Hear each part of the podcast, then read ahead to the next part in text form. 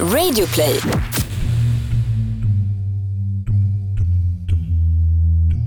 Välkommen till Misslyckade makthavare. Jag heter Mattias Bergman och brukar kanske normalt mest höras i podden Misslyckade brott.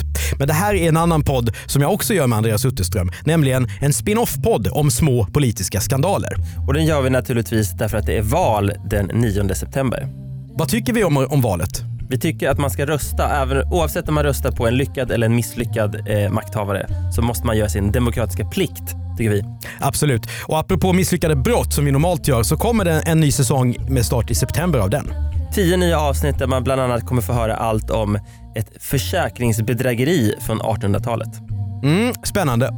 Men det här avsnittet kommer att handla om någonting helt annat och faktum är att vi kommer att prata osedvanligt mycket om djur. Det är kräftor som åker in i munnen på en minister lika fort som grodorna skuttar ut ur hans mun. Det, det ska resultera i en hel kennel av pudlar och visa att en bra politiker behöver vara lite grann som en katt, alltså smidig och helst ha nio liv. Som du säkert redan förstått så ska det här avsnittet handla om den oförliknelige, osvenskt frispråkige toppsossen Jan-Olof Karlsson. En makthavare som inte saknade framgång, men hade en tunga som skulle leda till upprepade misslyckanden.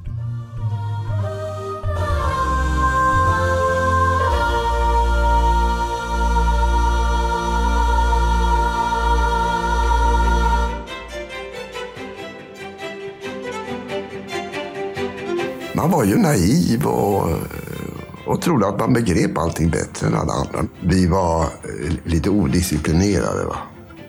Mera ungdomlig entusiasm kanske.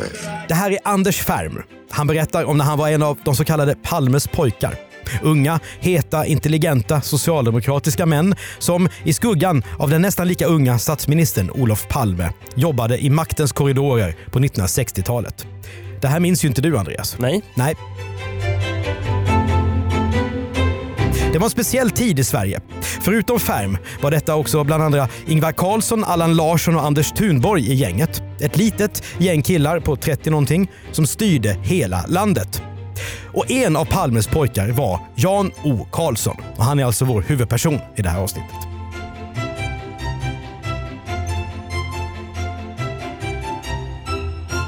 Många av Tage Erlanders och Olof Palmes unga medarbetare kom från arbetarklassen, inte sällan från Stockholmstrakten. Men Jano, han hade fötts in i den socialdemokratiska adeln 1939. Bägge hans föräldrar var S-politiker och hans pappa blev till och med socialborgarråd i Stockholm. Att inte ha vuxit upp på bondgård eller jobbat fabrik, det var ingenting som man skämtade om för en sosse på den här tiden. Man kunde få kritik för det i rörelsen, även om man inte kan välja sin egen uppväxt. Olof Palme till exempel misstroddes av många i hela sitt liv för att han var född i överklassen. Men när Jano ska kommentera sin bakgrund, som ju inte var riktigt arbetarklass, så väljer han karaktäristiskt att försöka skämta. Jag tänkte att du skulle få nöjet att vara Jano. Ja. Jag vet vad det handlar om. Jag har stått på universitetsgolvet. Ja, det säger han. Och det är ett typiskt Jano Karlsson-säg. Det är lite slängigt, charmigt, ganska roligt och inte riktigt i takt med den som han behöver försöka övertyga för stunden. Det händer ofta någonting runt Jan O Karlsson. Ofta för att han själv har sett till det. I lumpen till exempel kastar han in en tårgasgranat på logementet där alla de värnpliktiga sover.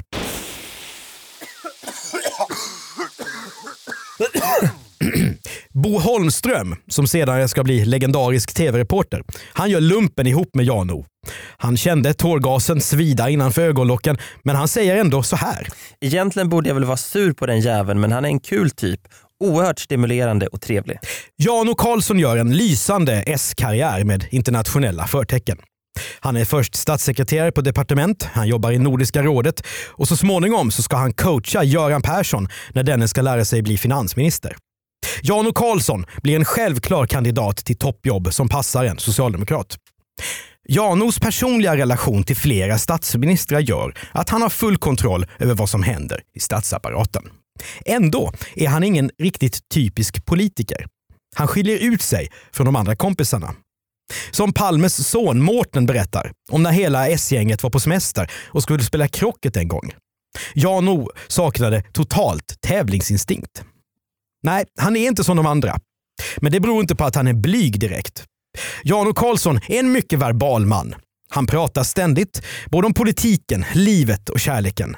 Gärna på franska, med sin melodiska, mörka, vackra röst. En viktig sak är att jag har hållit på med ganska många olika saker. Gett mig på lite, inte kanske därför att jag själv har varit så klok nog att peka ut dem, utan andra har gjort att det här ska du göra nu. Jano kan formulera sig vackert. Han säger aforismer som När en människa dör brinner ett bibliotek. Men han fäller också ofattbart hårda omdömen om andra människor. Till exempel om gamla döda ministrar, som så här. Per Edvin Sköld var en svinpäls, en brutal jävla galt. Och journalisterna, de som ibland kommer vara Jan O Karlssons motståndare, ja de kallar han för ett av de mest vedervärdiga pack man kan se. Där finns lögnen, slarvet, lättjan, alkoholen, fåfängan, genvägen, ytligheten och forskandet kring känt folks genitalier. Slagfärdigheten är Janos stora styrka, men också en brutal svaghet som vi snart ska få lära oss mer om. För när han är pressad eller trött så blir hans skarpa tunga ett livsfarligt vapen. Livsfarligt även mot honom själv. Framgångar gjorde honom övermodig, i vissas ögon odräglig. Om man ifrågasatte honom kunde han först bli raljant och sen ibland rejält arg. Ja, så skriver Mårten Palme om Jan O Karlsson i ett minnesord. Jan O Karlssons självinsikt var kanske inte hundraprocentig. Men han var klok nog att inte aspirera på tunga poster, till exempel som minister. Jag vill kunna knycka en vindruva i snabbköpet utan att det händer något. Ja, så sa han redan 1988. För ett statsråd kan ju granskas hårt av både medier och medborgare. Det lockade inte Jano. Det går ju liksom en rät linje från det säget till statsminister. Ja, jag vet. Istället gör Jan O Karlsson en byråkratisk jättekarriär. Han blir svensk representant i EUs revisionsrätt, alltså den instans som ska se till att EU-pengarna inte slösas bort. Visserligen är det nära att gå åt skogen redan här 1994. Det kommer kritik. Jano anklagas för att ha utnämnt sig själv till posten. Men det löser sig. För Jano Karlsson är unik. Krav på hans avgång kommer han, som vi snart ska se, att skaka av sig så som en gås stöter bort vatten. Jano blir så småningom president i revisionsrätten. Det innebär ett bekvämt liv i Luxemburg med privatchaufför och prestige. Jano kallar sig gärna för Femman eftersom han rent formellt är den femte högste i hela EU-byråkratin. En av hans vänner säger till Aftonbladet att den härliga tiden i Luxemburg har stigit Jano åt huvudet. Men när rörelsen kallar så kommer man. Så har det alltid varit i socialdemokratin. När Göran Persson är statsminister och i november 2001 ringer till Jano Karlsson så säger han att han vill att Jano ska bli bistånds och migrationsminister. Jano säger därmed självklart ja. Man ställer upp för chefen. Nu är det en senior toppsosse som kommer hem till Sverige. Det är lite som när Margot Wallström lämnade EU för att bli minister 2014. Medierna är nyfikna. Ska Jano, van vid sitt kontinentala liv, kunna anpassa sig till vad Sverige innebär? Inte minst i kontakten med medier. De svenska journalisterna ska snart få mer än vad de har kunnat önska. Jano är inte det minsta orolig över några lik i lasten när han ska tillsättas. Visserligen är han 62 år och som han själv säger, han har levt. Men några skandaler kan han inte komma på. Utom det där att han en gång har kört rattfull. Det tvingas han gå ut och berätta redan första veckan som minister. Annars skulle det kunna fälla honom innan hans viktiga uppdrag ens har börjat. Efter en trevlig middag hos vänner har Jano valt att ta bilen hem till sitt hus. Vi är såklart på Fårö, norr om Gotland. Ön där en hel drös av socialdemokratiska höjdare gillar att semestra. Jano säger att han helt enkelt har chansat eftersom det är så lite trafik på vägen. I hans blod mäts 0,96 promille alkohol. Det är långt över gränsen för vad som ens är diskutabelt. Men gränsen går vid 0,2. Ja, så att det, han är ju glad. Ja, Han eh, skulle inte ha kört. absolut inte.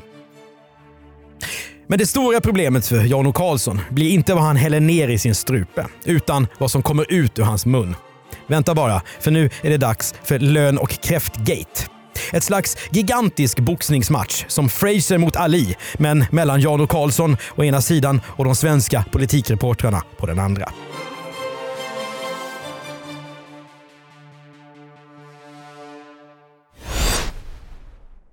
Ett poddtips från Podplay. I podden Något Kaiko garanterar östgötarna Brutti och jag, Davva, dig en stor dos skratt.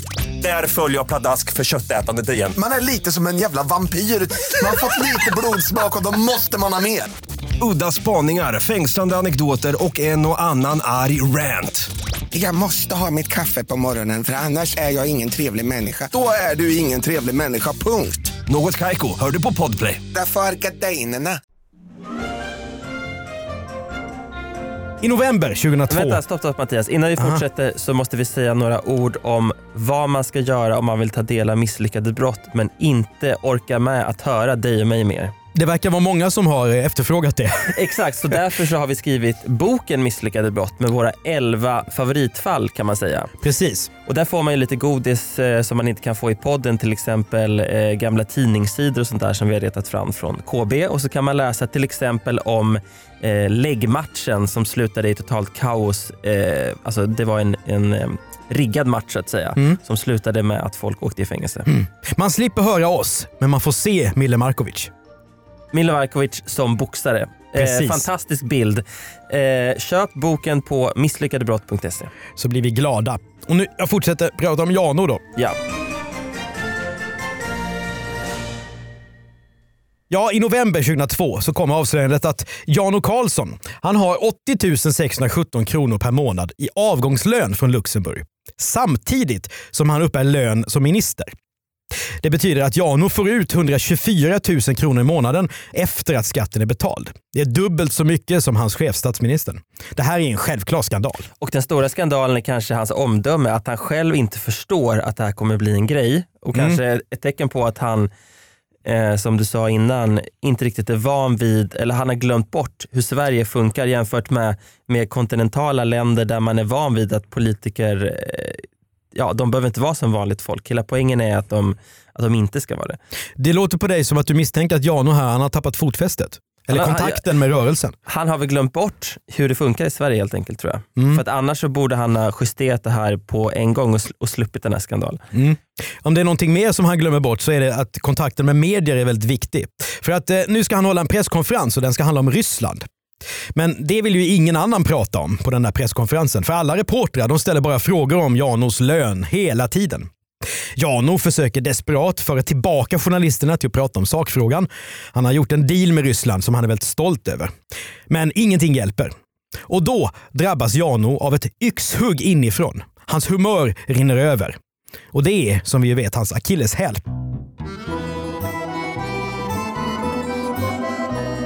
Han blir oartig, dryg och nedlåtande mot reportrarna. Han vägrar besvara deras frågor. Han säger till och med att de inte borde ställa sådana där frågor överhuvudtaget. Och det, Andreas, är ju någonting som reportrar tycker väldigt illa om att få höra. Mm. Och framförallt så är det väldigt otaktiskt av Jan och Karlsson för att även om han blir förbannad så måste han förstå att nu finns det både ljud och bilder där han framstår som extremt dryg. Och det spelar egentligen ingen roll om han har rätt i sak för att det handlar som alltid när det gäller skandaler inte om hur saker och ting eh, ligger till egentligen utan om hur de uppfattas. Och är man arrogant så kommer det slå tillbaka. Just det. Och nu lämnar reporterna presskonferensen och de har som du säger videor och citat där den öppet ilskne Jano visar vad han tycker om dem. Tror du att reportrarna är ledsna över det här Andreas? De är jätteglada kan jag säga därför att nu kommer det bli en bra story. Precis så, en bra story. Och alla måste plötsligt ha en åsikt om ministrars löner. Både förtidspensionerade insändarskribenter till ledarskribenter på Aftonbladet som är socialdemokratisk. Till och med S-politikerna kommer ut och säger att det kanske inte är så bra med artiklar om att Jan O Karlsson, som, han har ju ansvar då som biståndsminister så för de svagaste i hela världen, att han har råd att leva som en kung. Det börjar blåsa snålt runt Jan O Karlssons runda gässa, men ändå är det här bara början. För en vecka senare, den 8 november 2002, så avslöjar tidningen Expressen att Jan och Karlsson har låtit staten betala för hans kräftskiva. Och vilken reporter på Expressen är det som skriver den här artikeln? Det måste vara Niklas Svensson, samma person som avslöjade att Göran Persson hade snattat godis, ett, eh, som vi berättade om i ett annat avsnitt av Misslyckade makthavare. Ja men visst är det Niklas. Är det en klassisk Niklas Svensson-artikel som jag skrattade högt när jag läste? Den är väldigt välformulerad. Ja, det är alltså Jan och Karlsson och hans fru som har bjudit hem sina polare till sin etagevåning på Mariaberget på Södermalm i Stockholm. Och dit har det kommit gamla S-toppar som Kjell-Olof Fält, hans fru Birgitta von Otter, Björn von Sydow och hans fru och Anders Färm och hans fru. Jan och Karlsson har bunkrat upp. Han har köpt vinerna Marques de la Mancha, Prins Oliver och La Chasse. Han har varit på systemet också och köpt en nubbe, norsk akvavit och Reimersholms svenska nubbar. Och sen är det såklart kräftor och tillbehör. Det här kostar 3 784 kronor och 80 öre, berättar Expressen. Tidningen, alltså Niklas Svensson, de har till och med bett sin dryckesskribent sätta betyg på Jan och Karlssons alkoholval. Vinet Lachas får fyra getingar, men i övrigt så är det faktiskt rena rävgiftet som ministern har köpt. Det är inte så mycket pengar det handlar om, särskilt inte om det är ganska många kring bordet. Det är ju inte Beyoncé-klass på Janos kräftskiva direkt. Men det kvittar, som Andreas sa tidigare. För grejen, som journalister brukar säga, det är att Jano har lämnat in kvittorna som utlägg. Han säger att kräftskivan var en arbetsmiddag. Det tror de flesta svenskar inte ett dugg på. Och det gör faktiskt inte heller de som var på festen. Så här säger Kjell-Olof Fält. Arbetsmiddag? Jaha, det känner jag inte till. Jag går inte på arbetsmiddagar längre men jag har säkert varit hemma hos Janne och ätit middag. Ännu en dolkstöt i ryggen. Man verkligen säga. Och extra provocerande för folk att han, han som tjänar så mycket pengar och har dubbla löner inte kan betala en fest där dryckerna kostar under 4 000 kronor. Precis. Det är nästan som att det är för lite pengar. Alltså om det hade varit en dyrare fest hade man nästan haft mer förståelse Ja, för, för att han försökt bli av med kostnaden. För det här blir bara så dumt. Ja, precis så är det. Och nu är elden lös. Mediernas arkiv för de kommande dagarna i november 2002 det är en provkarta på ett drev. Kvällstidningarna de gör långa dokument där de går igenom hela Jan och Karlssons liv. De pratar med alla hans barndomsvänner och eh, släktingar och när de kommer åt dem. De berättar allt om tårgasattacken i lumpen till alla tidigare uttalanden som Jano har gjort. En ledarskribent kallar JanO Karlsson för en 80-talsfossil. För ovanlighetens skull så får medierna beröm för att de har haft sån koll på hur skattebetalarnas pengar spenderats. Socialdemokraterna är kända för att hålla ihop för att skydda sina egna i sådana här fall. Men den här gången är det tydligen för mycket. Nästan ingen kan försvara Jan Karlssons arbetskräftfest. Särskilt som han har Sveriges mest omtalade månadslön. Jano har sugit musten, inte bara ur en läcker kräftklo, utan ur hela rörelsen.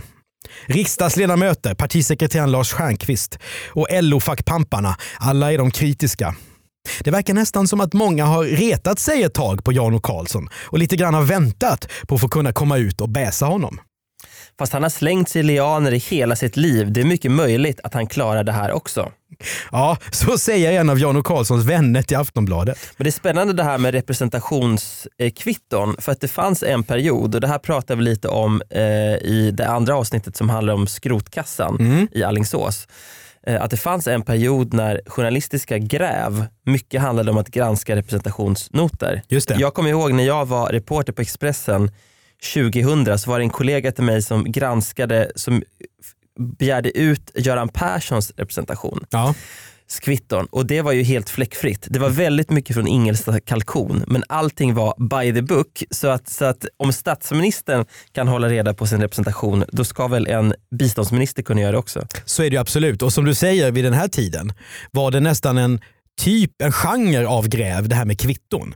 Och Det gjorde ju att Niklas Svensson till exempel säkert hade en stående bevakning på eh, riksdagens utredningstjänst att ta fram de här utläggen. Ja, det, ja, det var lite som eh, genren idag att eh, någon person har skrivit något dumt i sociala medier som den sen har raderat men någon har gjort en skärmdump. Just det, Lite så.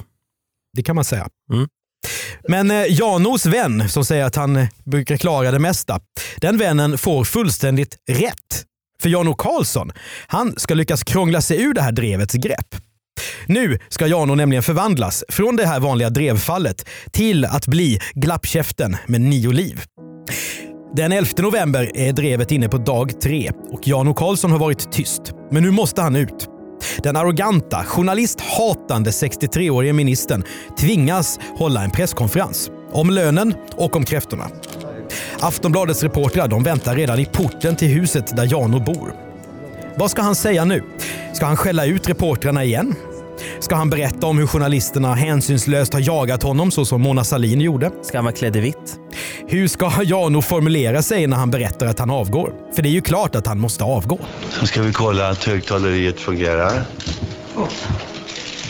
Lite soundcheck. Hörs jag nu? Nej, det gör jag inte. Salen Bella Venezia i regeringshögkvarteret Rosenbad är sprängfylld. Det är faktiskt samma plats som just Mona Sahlin höll sitt berömda tal i några år tidigare. När hon i vit blus kommenterade sin söndriga privatekonomi och tog time-out. Men nu ska det alltså handla om Jan O Karlssons kvitto. Tack. Ja, reda ut frågetecken kring hans eh, Har jag fastnat på plåtarna nu? EU-pengar och kräftskiverepresentation. Ja, välkomna hit. Det här är ett rum som har känt vittring och adrenalin för. Jano kommer ut och sätter sig på podiet framför mikrofoner med puffskydd i olika färger. Och vad säger han då? Så här såg jag på det. De som var inbjudna till middagen representerar en mycket lång och gedigen politisk erfarenhet eller vetenskaplig kompetens. Det var fyra dagar efter valet. Jag sätter stort värde på att eh, i min uppgift som statsråd få ta del av slutsatser och analyser som en sån här mycket kvalificerad skara människor besitter. Ja, först försvarar sig Jan O Karlsson. Kräftskivan handlade om arbete. Han har till och med haft en talarlista för gästerna på festen så att ingen har fått prata fritt. Är det, är det trovärdigt? Ja, Kjell-Olof verkar ju inte ha följt den. I alla fall. Mm, vin eller inte. Det har inte varit fråga om någon privat middag. Gästerna, säger Jano, de har diskuterat det parlamentariska läget som Sverige har hamnat i efter höstens val. Och de dubbla lönerna då? Ja, Jano har kollat reglerna och de säger att han inte kan avsäga sig de här EU-pengarna. Men det ska JanO Karlsson lösa genom att skänka bort hela sin ministerlön. Dessutom till Olof Palmes minnesfond som delar ut pris till människor som har gjort insatser för freden. Palme och fred, det är untouchable, eller hur Andreas? Ja, i kombination med att han skänker bort ett stort belopp varje månad. Så här långt så liknar ju det här defensiva talet hur det brukar låta i sådana här sammanhang. Men då gör Jan O Karlsson också någonting som är väldigt oväntat. Avslutningsvis, en sak som jag väldigt gärna vill föra fram. Jag vill be om ursäkt för det sätt som jag bemötte många av er på för en vecka sedan.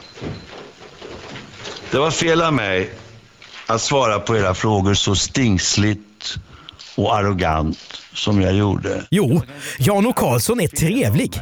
Fjärran i uttalanden om journalister som vedervärdigt pack. Hans stil, som har uppfattats som kantig och oartig, den är helt förändrad. Jano är ångerfull. Hans vackra stockholmska är mjuk och välmodulerad. Han berättar om den hemska presskonferensen där han var så utschasad och han säger Och i den här tröttheten så föll jag tillbaka på en attityd som många av mina vänner påminner om, påpekar för mig är typiskt för mig när jag känner mig hotad. Jag blir arrogant, stingslig och elak. Ministerns magnifika förvandlingsnummer, kallar Aftonbladet det. Reportrarna är fullständigt desarmerade. Deras vapen har slipats ner när Jano fullständigt har blottat strupen och ber om ursäkt. Resultatet blir i alla fall följande. Jano sitter kvar. Vad ska medierna göra nu då? Det här bryter helt mönstret för hur ett drev brukar gå till. Så reportrarna frågar, och de är säkert nyfikna själva. De går till kommunikationsexperter och frågar vad i helsike är det som händer? Hur lyckades karln? Och experterna, de är överens. Janos tal var retoriskt lysande. Försvaret vilade på starka sakargument, särskilt det där om att han måste ha en hög lön även om han inte ens vill. Och så lät hans ursäkt så himla ärlig. 180-gradersvändningen i humöret var briljant. Hur känner man som reporter, Andreas, när, när eh, drevmönstret inte fungerar? Du vet vad jag menar? När, när genren liksom faller ur. När det inte, de här stereotyperna inte, inte funkar. Den som är utsatt för drevet följer mallen, de som rapporterar om drevet följer mallen och de som konsumerar rapporteringen vill ha mallen. Det är ungefär som när man tittar på en Hollywoodfilm som inte följer mallen så kan man inte sätta fingret på det men man tycker att det är någonting som inte känns rätt. Man vill att skurken ska dra två gånger på slutet och att, man, att det ska vara en berättarröst i trailern som säger “Only one man can save the world”. Och så, precis så är det med drev också. Ja, just det. PR-byråveden Paul Jebsen. Han säger att Jan O Karlsson har fått honom att tänka på hans egna hundar när de har gjort någonting dumt och lägger sig på rygg och försöker avfärda alltihop. Hundar ja. Paul Jebsen har nämligen pudlar. Så nu har Jan O Karlsson givit upphov till ett nytt svenskt begrepp. Att göra en hel pudel. Här skulle vår historia kunna sluta. Politiska tveksamheter och mediala krumbukter som inte slutade i avgång så som de ofta gör. Ministern sitter kvar, arrogant eller inte. Men Jano vore inte Jano om han inte likt en bumerang kommer flygande tillbaka för att liksom dundra in i bakhuvudet på svenskarna fler gånger. Nu sitter han säkrare än någonsin som statsråd, men hans tunga är lika skarp och lössläppt som alltid. Medan han jobbar vidare som minister missar han få chanser att uttala sig slängigt, ärligt och korkat. Och hans citat de kommer att drabba hög som låg. Vi har tre exempel. 23 maj 2003. Då har Jan O Karlsson lunchmöte med fem journalister. Han är arg på USA, för de vill inte göra mer för att stävja aids-epidemin i Afrika. Jano kallar USAs president George W Bush för “den där jäveln” och “den där jävla Texas-gubben”. Bush, som är världens mäktigaste politiska person och någon som Sverige vill ha en bra diplomatisk relation till. Den amerikanska regeringen de kallar Jano för galningar. Göran Persson suckar och lovar reportrarna att han ska ta Jano i örat. Det når dock inte riktigt fram till Jano, utan han säger så här. I en fråga som är en livsfråga för världen och för Afrika så har jag fått en amerikansk minister att lyssna som jag aldrig kunnat drömma om annars. Det är en väldig fördel. Resultat. JO sitter kvar. Tar vi nästa exempel. Redan nästa månad är vår minister på banan igen. Det får inte handla om någon inställning att hjälpa negrer. Ja, så säger Jan O Karlsson vid ett möte om biståndet på Sida. Kritiken blir hård, för n-ordet är oacceptabelt för nästan alla svenskar. Resultat? Jano sitter kvar. Och den 24 september 2003, då är det dags igen. Jano är på konferens och berättar om vad regeringen vill göra med biståndet. Sidas tidning Omvärlden är också på plats. Det är också företrädare för RFSL som månar om biståndet till bland andra världens homosexuella. De ställer frågor till Jano Karlsson. Flera frågor. Så många frågor att Jano tröttnar och utbrister. Nu får det väl ändå vara slut på alla bögfrågor.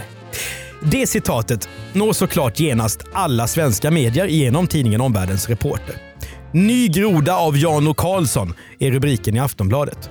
Och RFSL de kräver Jan O Karlssons avgång. Nu ringer medierna återigen en gång kommunikationsexperterna. Rådgivaren Paul Ronge säger att Jan Karlsson är ett hopplöst fall. Han har myntat begreppet göra en dubbel pudel. Jag kan bara konstatera att det verkar väldigt svårt att lära en gammal hund sitta. Resultat. Jano sitter kvar. Men Andreas, hur kunde han klara sig hela tiden? Ja, men kanske är det så som jag har hört att en anledning till att Göran Persson eh, ville ha honom eh, nära sig var att han var väldigt rolig. Alltså en stämningshöjare, precis som han var då eh, på logementet trots att han kastade in tårgasgranater. Det här var en slags politiska granater då, men han, han var ändå en person som spred god stämning på något sätt och, och sådana gillar man ju att ha på sin arbetsplats. Han var för rolig för att kicka. Precis så.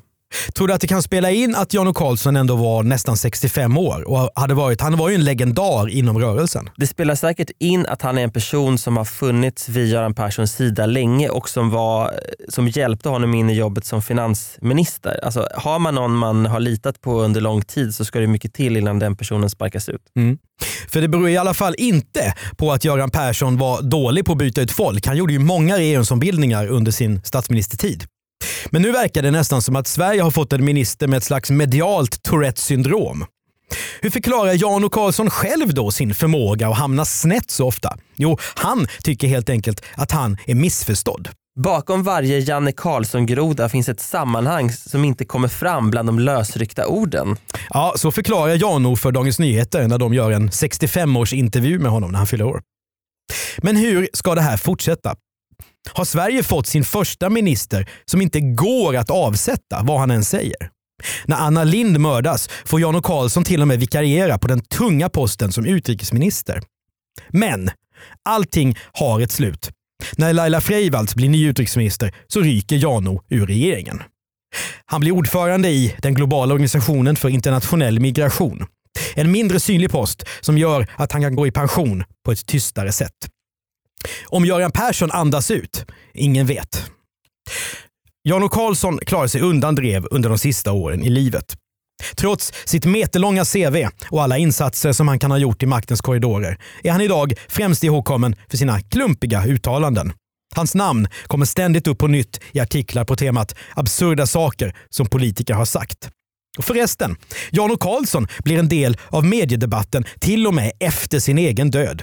I samband med bortgången så gör Expressen löpsedeln “Jan-O Karlsson valde att dö” som om Jano hade använt dödshjälp. Det var helt fel och tidningen får be oförbehållsamt om ursäkt. Som Jano själv kanske skulle ha sagt, en hel pudel. Du har hört det sista avsnittet av Misslyckade makthavare. På söndag är det val och Andreas Utterström och jag som gör podden tycker att du ska gå och rösta. Och nästa vecka är vi tillbaka med en ny säsong av Misslyckade brott. Tio nya avsnitt och om kriminalitet som inte blev som skurken hade tänkt sig. Misslyckade brott som du hör på Radio Play eller där du brukar hitta poddar. Exekutiv producent har varit Jonas Lindskov. Betygsätt oss gärna i iTunes och skriv en recension så är det fler som hittar till podden. Och om du har synpunkter på det som du just har hört eller vill tipsa oss, mejla gärna till misslyckadebrott@bplus.se.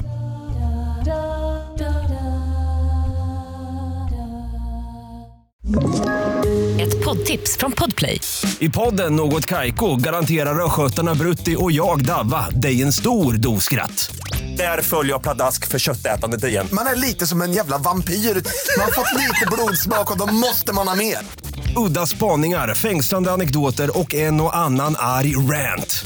Jag måste ha mitt kaffe på morgonen för annars är jag ingen trevlig människa. Då är du ingen trevlig människa, punkt. Något Kaiko, hör du på Podplay. Därför är gardinerna.